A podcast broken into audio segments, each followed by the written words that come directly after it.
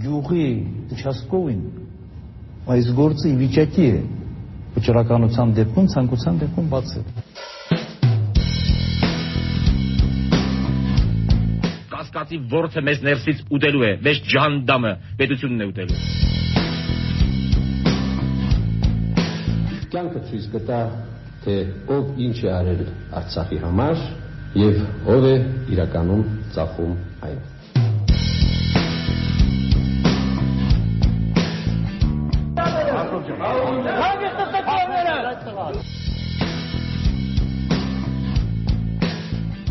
Ձեզ այնքան կծեց են դալաններում, որ դուք կարտագաղթեք։ Նորագույն պատմություն։ Երրորդ հանրապետությունն ազատության աչքերով։ Յուրաքանչյուր ամսվա վերջին շաբաթ օրը։ 19 տարի առաջ 2003 թվականի ձմռանը Հայաստանում կայացան Երրորդ հանրապետության պատմության թվով 4-րդ նախագահական ընտրությունները։ Դրանք հոկտեմբերի 27-ից հետո անցկացվող առաջին համապետական ընտրություններն էին կազմակերպված միանգամայն նոր ներքաղաքական իրավիճակում եւ ուժերի միանգամայն նոր դասավորության պայմաններում։ Ընտրություններ, որոնց առանցքային ինտրիգը մեկն էր. արդյոք կարողանա վերընտրվել Ռոբերտ Քոչարյանը։ Սիրելի Ռոբերտ Սետրակի, աշխատենք միասին, իրար սիրելով, իրար ներելով։ Այս իշխանությունը հոգեվարքի մեջ է։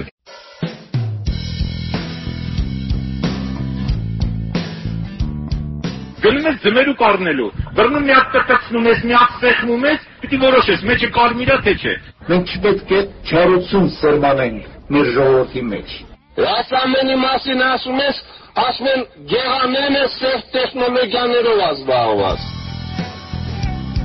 Նորագույն պատմության առաջիկա 3 թողարկումները նվիրված կլինեն 2003 թվականի ընտրություններին։ Առաջիկա րոպեներին կխոսենք այդ նախագահական ընտրարշավի մեկնարկի տեխնացուների առաջադրման, նաև որոշ տեխնացուների չառաջադրման մասին։ Հերթական նախագահական ընտրությունները 2003 թվականի փետրվարի 19-ին անցկացնելու մասին որոշումը կենտրոնական ընտրական հանձնաժողովի նորացված կազմը հրապարակեց քվեարկությունից գրեթե կես տարի առաջ 2002-ի ամռանը եւ հենց ամռան վերջ վերջին օրերին էր, որ պարզ դարձավ, թե մոտավորապես ինչ կարգախոսներով է փորձելու վերընտրվել գործող նախագահը։ Ես համոզված եմ,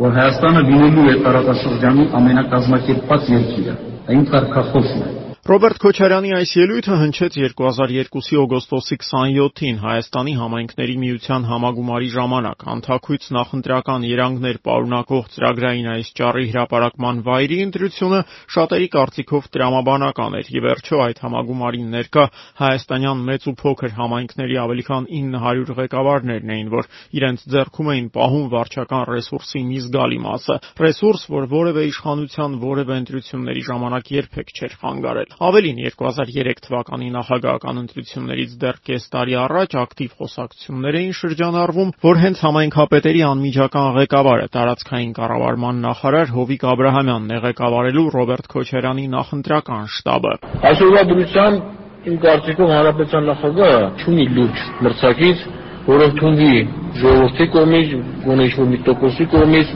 Հետաքրքիր է ի դեպ, որ հենց Հովիկ Աբրահամյանի հայրենի մարզում Արարատում ծագեց 2003 թվականի ընտրություններին նախորդող առաջին աղմկոտ սկանդալը սոցիալական ցանցերի բացակայության, տպագիր մամուլի աննշան տպաքանակների եւ հեռուստաեթերի լիակատար վերահսկելիության պայմաններում Ամեկ+-ը եթերազրկվել էր դրանից ընդամենը 4 ամիս առաջ, շարքային հայաստանցիներն իրենց դժգոհությունն արտահայտելու այլընտրանքային ճանապարհներ էին փնտրում։ Վեդիի բնակիչ Ջանիկ Ադամյանն օրինակ որոշել էր Արարատ քաղաքով մեկ թռուցիկներ փակցնել, ի ցույց դնելով ոչ միայն իր քաղաքական հայացքներն, այլև բանաստեղծական ձիրքը։ Արարատիներից քչերն են հասցրել կարդալ բանաստեղծությունը։ Միլիցիայի աշխատակիցները ձերբակալել են եւ Ջանիկ Ադամյանին եւ մեքենագրուհի Ջեմա Սահակյանին, արգրավելով նաեւ գործիքը, գրամեքենան։ Ոնց կարելի է նման գեղեցկության համար դատապարտել մարդկանց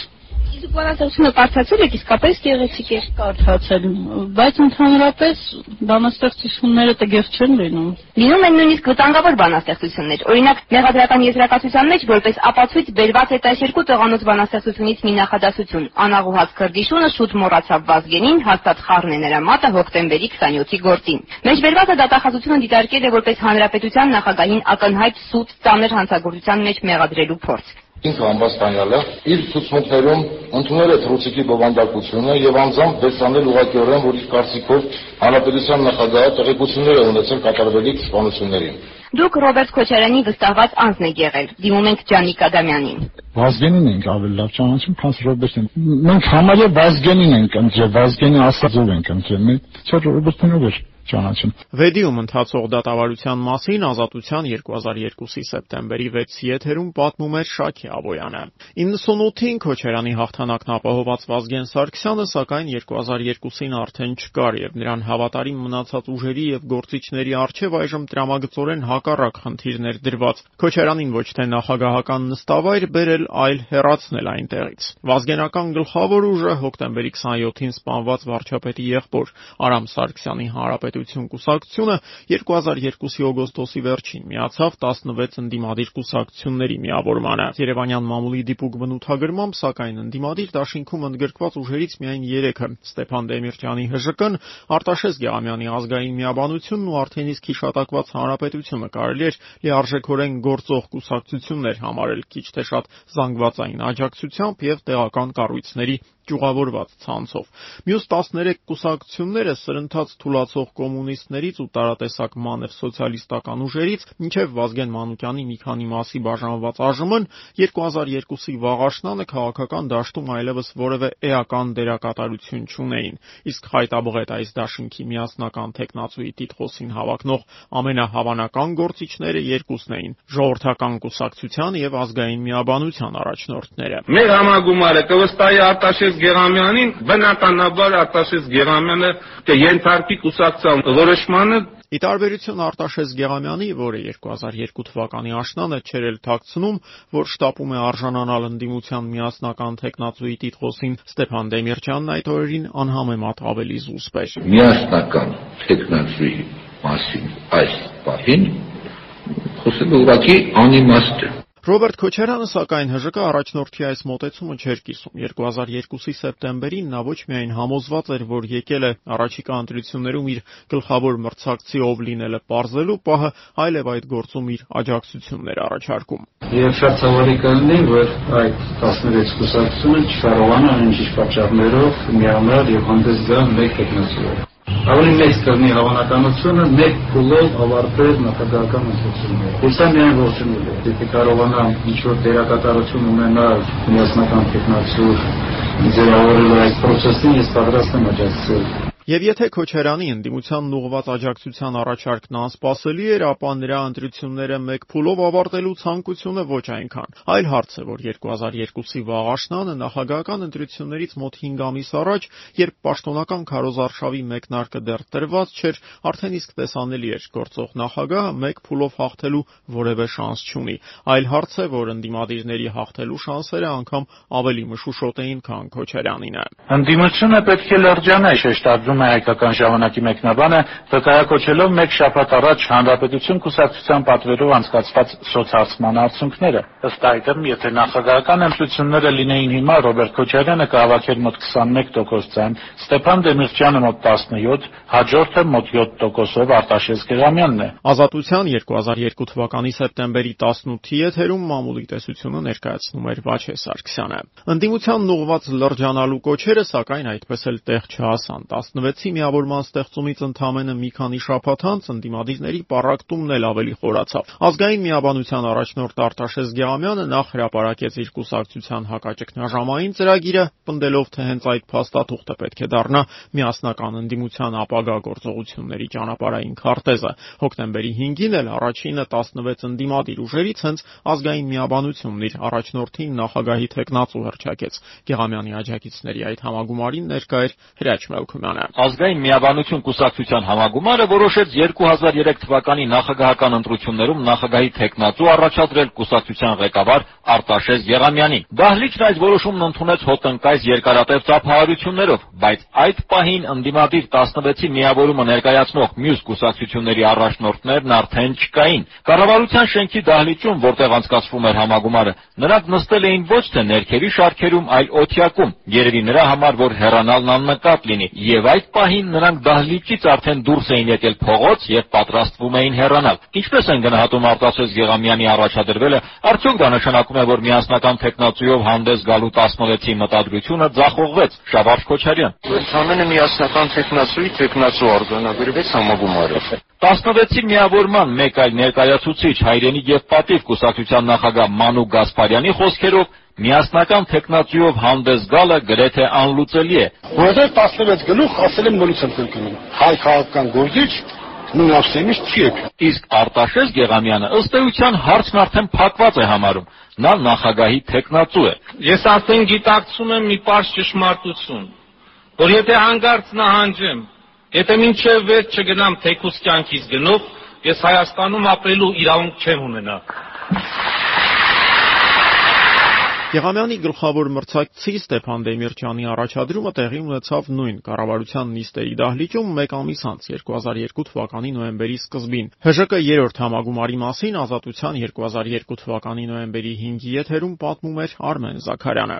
Այնինչ այսօր տեղի ունեցավ ՀԺԿ երրորդ համագումարում վերապահումներով միայն կարելի է համարել միջոցառում, որը հրավիրվել էր սոսկ կուսակցության նախագահ Ստեփան Դեմիրճյանին նախագահի տեխնատու առաջադրելու համար։ Դա իհարկե օրակարգի միակ հարցն էր, որ իրականացվեց որպես համագումարի ամփոփիչ արարողություն ջերմ ծափողջությունների ուղեկցությամբ։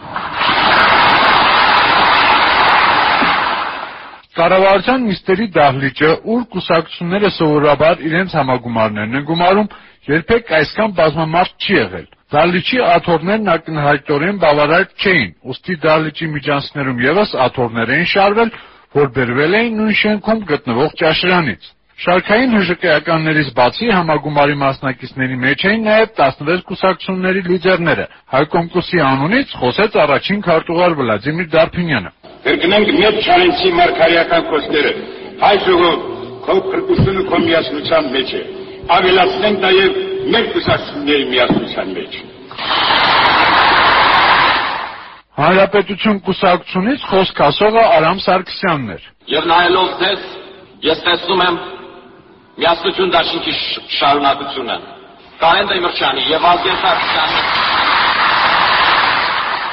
Նկատեցիք անշուշտ, որ նախագահի մեկ այլ տեխնացու Արտաշես Գեղամյանը որևէ խոսք չասաց։ Պարոն Գեղամյանն այս առումով ասաց, թե ինքը ամբիոնից չխոսեց, որովհետև նախապես չէր պայմանավորվել։ 2002-ի ուշ աշնանը Երևանյան թերթերը եւս արձանագրեցին Ստեփան Դեմիրճյանը նախընտրական համագումարների այս ճակատամարտի միանձնյա հաղթողներ։ Շաբաթ օրը կայացած ժողովրդական կուսակցության համագումարը մամուլում գրանցվում է բուրըն զապահարությունների ու ջերմ բարեմաղթանքների մթնոլորտով ու նաև դեպի ՀԺԿ ղեկավար Ստեփան Դեմիրճյանի նախագահական ապագան բավական լավատեսական հայացքով։ Մի շարք թերթերում այն ձևակերպումն է, որ երևաց մեջբերում եմ հայկական ժամանակից Ստեփան Դեմիրճյանը 16-ի միավորման միասնական տեխնացուի ամենահավանական տեխնացուն է։ Այսօր սակայն քչերն են հիշում, որ 2003 թվականի ընտրություններից առաջ քաղաքական դաշտում մեկ այլ ինտրիգ եւս ծավալվել էր։ Ընտրություններից ամիսներ առաջ մամուլում եւ քաղաքական շրջանակներում ակտիվորեն խոսում էին առաջին նախագահ Լևոն Տեր-Պետրոսյանի հնարավոր առաջադրման մասին։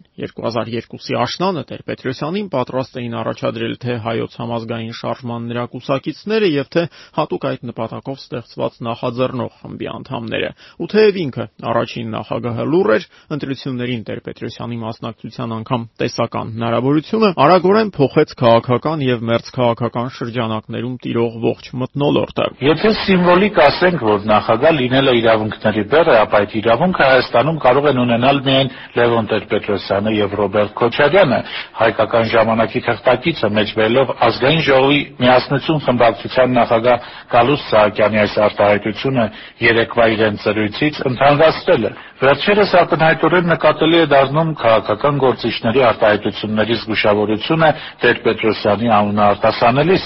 Այդ զգուշավորությունը դիտորդներից ոմանք հակված են բացատրել իշխանամետ ճամբարում տիրող Տեր-Պետրոսյանի հնարավոր վերընտրման հետ կապված մտայնություններով։ Տեր-Պետրոսյանի առաջադրումը կաթվածահար Կանի Քոչարյանի ընտրարշավն իր հերթին գրում էր. Առավոտը պնդելով, որ 2003-ի ընտրություններում առաջին նախագահի առաջադրման դեպքում մեջբերում պետական մեքենան կերկատվի եւ չի կարողանա հօգուտ Քոչարյանի աշխատել։ Պաշտոնյաների ծառայամտությունն ու գավառամտությունը անհնար կդարձնեն հաշվարկելը, հետեւաբար եւ կողմնորոշվելը, որ տիրոջը ծառայել, գրում էր առավոտը։ Այս պնդումներն իրականությունից այնքան էլ հեռու չէին 2002-ի աշնանը նույնիսկ բարձրաստիճան պաշտոնյաները, որոնք նախորդ 4 տարիներին առաջին նախագահի անունը չէին համարցակվում բարձրաձայն արտասանել, սկսեցին նրան գովել, այն էլ տեսախցիկների առջև։ Պետրոսյանի շատ հարգում եմ, շատ Սա այն ժամանակ գործող կառավարության ամենաազդեցիկ անդամներից մեկն էր՝ կապի եւ տրանսպորտի նախարար Անդրանիկ Մանուկյանը, որը նույնիսկ հստակ նշում էր, թե որ դեպքում կանգնի առաջին նախագահի կողքին։ Ռոբերտ Քոչյան ցանկացի տեխնացիոն դեպի բարձր իմ համար նախընտրելին Ուրեմն Լևոն Տեր-Պետրոսյանն է, որովհետև նա լուրջ քաղաքական գործիչ է։ Լևոն Տեր-Պետրոսյանը սակայն լռում էր ոչ նրա մերձավոր զինակիցները, ոչ էլ առավել եւս գործող իշխանությունները հստակորեն չէին կարող ասել առաջին նախագահը մասնակցելու է 2003-ի փետրվարի 19-ին նշանակված ընտրություններին, թե ոչ։ Առաջին նախագահի շուրջ ստեղծված այս անորոշությունը հարկավոր էր ցրել եւ Քոչարյանի թիմը դա փորձեց անել մեկ այլ առաջին նախագահի օգնությամբ։ Я люблю Армению, был здесь, поездил по Армении. Ռուսական տարազներով աղջիկները Բորիս Ելցինին եւ Նաինա Ելցինային դիմավորեցին աղուհացով։ Ընդունելությունը ջերմ էր, ծաղկեփնջեր, գրկախառնություններ։ Ճանապարհից հետո առաջին հանդիպումը օթակայանի պաշտոնական ընդունելությունների սրահում անցկացվեց։ Այս հանդիպումից հետո, երբ նրանք արդեն գնում էին դեպի մեքենաները, Բորիս Ելցինը լրագրողների мот մի պահ կանգ առավ։ 71-ամյա Ելցինը բավականին լավ տեսք ուներ։ Мы, друзья, с Робертом Федораковичем, президентом Армении, он меня пригласил. Բորիս Ելցինը 6 օր Հայաստանում է լինելու։ Հյուրընկալվելու է նախագահի Սևանի նստավայր ամառանոցում։ Լուրեր կան, որ Բորիս Ելցինը հանդիպելու է նաև Հայաստանի առաջին նախագահ Լևոն Տեր-Պետրոսյանի հետ։ Նշեմ սակայն, որ սկզբում Ելցինի եւ Տեր-Պետրոսյանի հանդիպման հերանեկարը իշխանություններին այնքան էլ չէր ողջևորում։ Ըստ հայկական ժամանակի գործող իշխանությունները ոչ միայն ինտրիգներով ու կուլիսային խաղերով են փորձել խանգարել Ռուսաստանի եւ Հայաստանի առաջին նախագահների հանդիպմանը, այլև դրան ուղղված բաց գործողությունների են դիմել։ Մասնավորապես Ռուսաստանում Հայաստանի դեսպան Արմեն Սմբատյանը զանգահարել է Հերշեին մոտ կանգնած մի քաղաքացու եւ ասել, որ Հայաստանի իշխանությունները կարծում են լավ կլինի Տեր-Պետրոսյանը հրաժարվի հանդիպումից եւ դա պատճառաբանվի նրանով, որ առաջին նախագահը Հայաստանում չէ։ Հետո էլ նախագահականում որոշվել է Ելցինի այցելության առանց այդ էլ խիտ ծրագիր ավելի խտացնել, որպիսի նա Տեր-Պետրոսյանի հետ հանդիպելու ժամանակ չունենա կամ էլ մոռանա նման հանդիպման մասին։ Բարեմյան 26-ում արկա մտավախությունները կարելի էր հասկանալ։ Ի վերջո, եթե Ելցինը հանկարծ դուրս գար Տեր-Պետրոսյանի առանձնատնից եւ հայտարարեր, ասենք նրա տեխնատությունը պաշտպանելու մասին, դա Քոչարյանի եւ նրա թիմակիցների համար կարող էր իսկական նախընտրական մղձավանջի վերածվել։ Դա սակայն տեղի չունեցավ։ Ավելին, Երևանի Երևանից մեկնելուց առաջ Բորիս Ելցինը ոչ միայն հայտարարեց, թե կողմ է Քոչարյանի վերընտրությանը, այլև պնդեց, որ իր հետ զրույցի ժամանակ Լևոն Տեր-Պետրոսյանն իբր իրեն ասել է, թե չի պատրաստվում առաջադրվել գալիք նախագահական ընտրություններում։ Մի քանի օր անց առաջին նախագահի գրասենյակը կտրականապես հերքեց Ելցինի հայտարարությունները, իսկ Տեր-Պետրոսյանի առաջադրման շուրջ անորոշությունը պահպանվեց եւս մեկ ամիս։ Այն վերջնականապես հանգուցալուծվեց 2002-ի նոյեմբերի վերջին։ Տեր-Պետրոսյանը, չնայած ակնկալիքներին, ելույթ չունեցավ ունեցավ Հայոց համազգային շարժման 13-րդ համագումարին, դրանից մեկ օր առաջ էլ անորոշ ժամկետով հետաձգեց հանդիպումը իրեն առաջադրել ցանկացող նախաձեռնող խմբի անդամների հետ։ Հանդիպումը չի կայացել, ասաց որ հետո կընդունեմ։ Եվ եթե առաջին նախագահն ի վերջո ինքը որոշեց չառաջադրվել, ապա երրորդ հանրապետության առաջին արտգործնախարարը 2002-ի աշնանն իր նախագահական հավակնությունները չեր էլ թաքցնում։ Հայաստանի նախագահի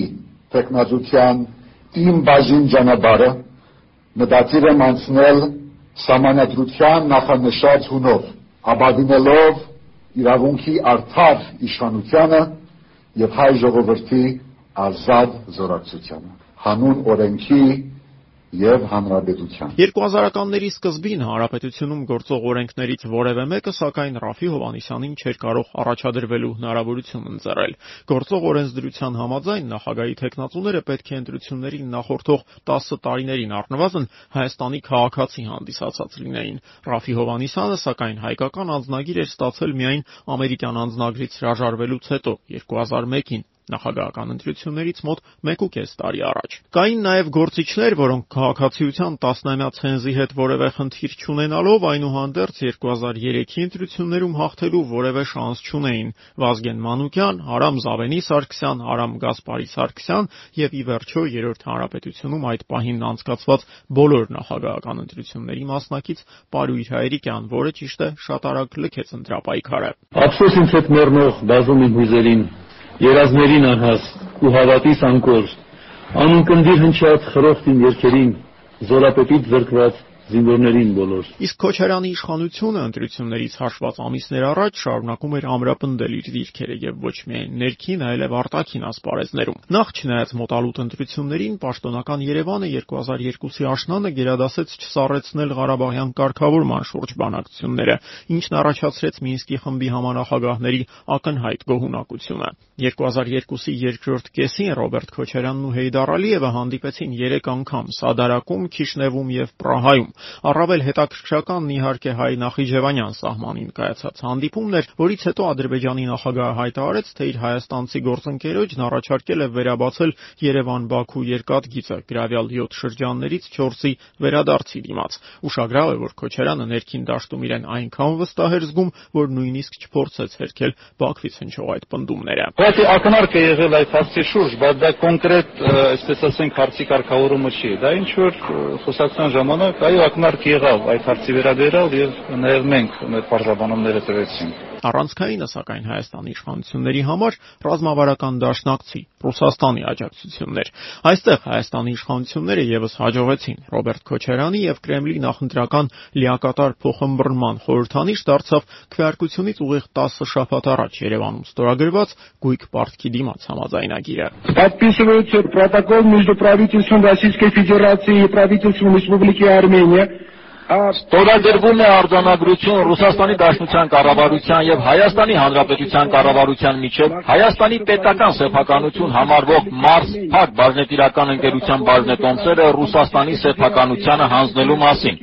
Ռուսաստանին հանձնվեց նաեւ Հրազդանի ջերմակայանի եւ 3 գիտական հաստատությունների՝ մաթեմատիկական մեքենաների, որն ավելի շատ հայտնի է Մերգելյան ինստիտուտ անունով, նյութագիտության, ինչպես նաեւ ավտոմատ կառավարման ինստիտուտների բաժնետոմսերը։ Այսպիսով շուրջ երկու տարի տևած հիմնական բանակցություններն ավարտվեցին փաստաթղթերի ստորագրմամբ։ Հայաստանի 5 ձեռնարկությունների հաշվին ամբողջությամբ փակվեց մոտ 100 միլիոն դոլարի հասնող Ռուսաստանի պարտքը։ Հայ-ռուսական այս պայմանագիրն ի դեպ զուրկ չէր զուտ ներքաղաքական բաղադրիչից, բանն այն է, որ Ռուսաստանին փոխանցվող ամենաարժեքավոր ակտիվի Մարս գործարանի տնօրենը նախագահական ընտրություններում Ռոբերտ Քոչարյանի ապագա մրցակիցն էր Ստեփան Դեմիրճյանը։ Ուրեմն գույք պարտքի դիմաց բանաձևի կիրառումը ներկայացնել որպես համագործակցության փայլուն օրինակ կարծում եմ սխալ է Մարս գործարանի շինարարությունը մեկնարկել էր դեռ 80-ականներին բրիտանական օժանդակությամբ եւ բրիտանական տեխնոլոգիաներով։ Մամուլում շրջանառվող տեղեկությունների համաձայն կիսավարտ գործարանի ընդհանուր արժեքը շուրջ 200 միլիոն ֆունտ ստերլինգ էր, 90-ականների սկզբի փոխարժեքով շուրջ 400 միլիոն դոլար։ Այժմ ահա Մարսը մի շարք այլ հայկական ձեռնարկությունների հետ միասին տրվում էր Ռուսաստանին 100 միլիոն դոլար պարտքի դիմաց։ Հայկական ժամանակ թերթը հեգնում է։ Սա լավ սկիզբ է եւ Եթե այսպես շարունակվի, կարելի է կարճ ժամկետներում փակել Հայաստանի արտաքին պարտքը ամբողջությամբ, Օրինակ Թուրքմենստանին Բաքվի դիմաց կարելի է հանձնել կառավարության շենքը, Հանրապետության հրապարակից 1200 քառակուսի մետր, նախագահական նստավայրի առաջին հարկը եւ ազգային ժողովի շենքի դիմացի ջրավազանը։ Եվրոբանկը թերևս բավարարվի Սևանա լճով, Խոստովի անտառներով եւ Երևան-Բագրատաշեն ավտոճանապարհով։ Համաշխարհային բանկն էլ կարող է համաձայնել Պարտքի դիմաց վերցնել մեղրին։ Գույք Պարտքի դիմացը հայկական կողմից ստորագրեց հայ-ռուսական միջկառավարական հանձնաժողովի համանախագահ պաշտպանության նախարար Սերժ Սարգսյանը։ Պայմանագրի կնքումից 3 շաբաթ անց հայտնի դարձավ, որ հենց Սերժ Սարգսյանն է ղեկավարելու Ռոբերտ Քոչարյանի նախընտրական շտաբը։ Այս լուրը հայ հանրության մի զգալի մասն ընդունեց ակնհայտ տարակուսանքով։ Բանն այն է, որ դրանից ընդամենը 2 տարի առաջ Սերժ Սարգսյանի նախորդը Վաղարշակ Հարությունյանը քաղաքականությանը միջամտելու պատճառաբանությամբ էր հեռացվել պաշտպանության նախարարի պաշտոնից, ապա նաև զրկվել էր զինվորական կոչումից։ Այժմ սակայն Սերժ Սարգսյանը պատրաստվում էր համակարգել գործող նախագահի քարոզարշավը, պահպանելով նաև ռազմական գերատեսչության ղեկավարի պաշտոնը, եւ ամենակարևորը, որևէ հակասություն այս ամենում նա չէր տեսնում։ Ի տարբերություն նախկին նախարարի, ես գեներալ չեմ։ Եվ եթե այսօր պաշտպանության նախարարը լիներ գեներալ, իհարկե նա իրավունք չուներ զբաղվելու ընտրություններով։ Բայց փառք Աստծո ես գեներալ չեմ, չէ։ Եվ այդ իրավունքը ունեմ, հասկանում եք, գեներալները ունեն, այսպես ասած, ուսադիրներ, ունեն լամպասներ, ու այսպես զարդարված ուրցք, եւ դա ճիշտ է։ Այսպիսով Ռոբերտ Քոչարյանի հետ հոկտեմբեր 27-յան գլխավոր ախոյանը բանակը Սերժ Սարգսյանի անմիջական մասնակցությամբ չեզոքացված էր, ու թեև մյուս ուժային կառույցները եւս Քոչարյանի համար առանձնապես խնդիրներ չէին ստեղծում, միևնույն է, նախագահական ընտրություններից ընդամենը 2 ամիս առաջ 2002-ի դեկտեմբերին դրանք ենթարկվեցին կառուցվածքային փոփոխությունների։ Ներքին գործերի եւ ազգային անվտանգության կառավարության նախարարությունները վերածվեցին կառավարությանը կից գործող ծառայությունների։ Կառավարությանը կից ձևակերպումը, սակայն, որևէ մեկին չպետք է շփոթության մեջ գցի։ Իրականում այս փոփոխությամբ ոստիկանության եւ ազգային անվտանգության համակարգերը հայտնվեցին երկրի նախագահի գրեթե լիակատար ենթակայության ներքո։ Եթե նախկինում այս կառույցներում փոխնախարարներին նշանակում էր վարչապետն, ապա այժմ այդ լիազորությունն անցնում էր երկրի նախագահին։ Այս առումով ամենակարևորը թերևս այն էր, որ վարչապետից նախագահին էր փոխանցվում ներքին զորքերի հրամանատարի նշանակման իրավունքը, ինչը հնարավոր հետընտրական հուզումների պարագայում խիստ կարևոր էր։ Նախագահ Քոչարյանը սակայն պնդում էր, ուժային կառույցները վերակազմավորվում են Եվրախորհրդի արչև ստանձնած պարտավորություններից ելնելով։ Այս մասին Քոչարյանը հայտարարեց 2002 թվականի դեկտեմբերի 20-ին ազգային անվտանգության ծառայություն այցելության ժամանակ։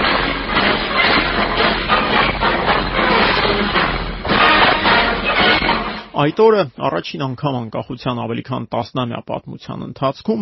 ազգային անվտանգության ծառայության աշխատակիցները նշում էին իրենց մասնագիտական տոնը։ Որպես տոնակատարությունների օր անկախ Հայաստանի անվտանգության աշխատակիցները ընտրել էին դեկտեմբերի 20-ը։ Այն օրը, երբ հեռավոր 1917 թվականին Պետրոգրադում ստեղծվեց հակահեղափոխության եւ սաբոտաժի դեմ պայքարի համառուսաստանյան արտակարգ հանձնաժողովը, կարճ ասած ՉԵԿ-ան։ մարմինների խնդիրը 开えるち。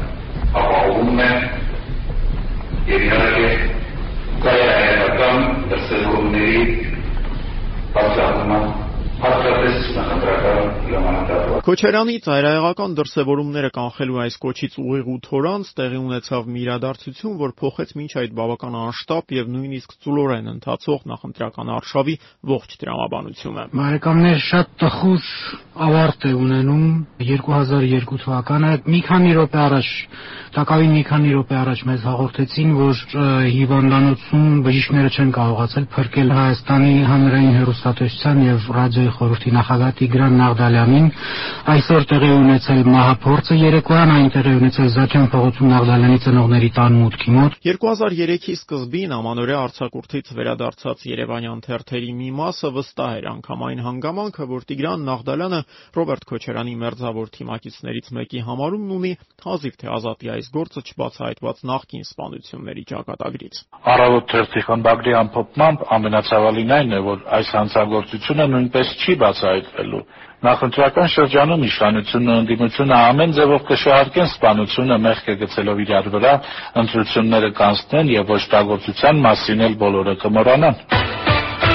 Մի հարցում առավոտի խմբագիրը չէր սխալվում։ Տիրան Նաղդալյանի սպանությունն ի վերջո դարձավ 2003 թվականի նախագահական ընտրությունների, ավելի ճիշտ դրանց հաջորդած զարգացումների գլխավոր սյուժեներից մեկը։ Այս ամենին, սակայն, դեռ 2 ամիս կար։ Արջևում էին լարված քարոզարշավն ու ընտրությունների առաջին փուլը։ Այս ամենը, սակայն, 1 ամսից։ Նորագույն պատմության հաջորդ թվարկումը ազատության եթերում կլինի փետրվարի 26-ին։ Գյուղի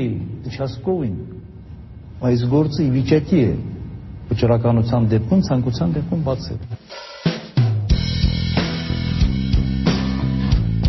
Կասկածի ворթը մեզ ներսից ուտելու է, մեզ ջանդամը պետությունն է ուտելու։ Կյանքը ցույց կտա, թե ով ինչ է արել Արցախի համար եւ ով է իրականում ծախում այն։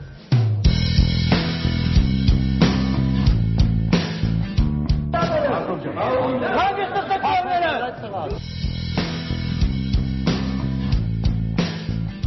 Ձեզ այնքան կծեց են դալաններում, որ դուք կարտագաղթեք։ Նորագույն պատմություն՝ երրորդ հանրապետությունն ազատության աչքերով։ Յուրաքանչյուր ամսվա վերջին շաբաթ օրը։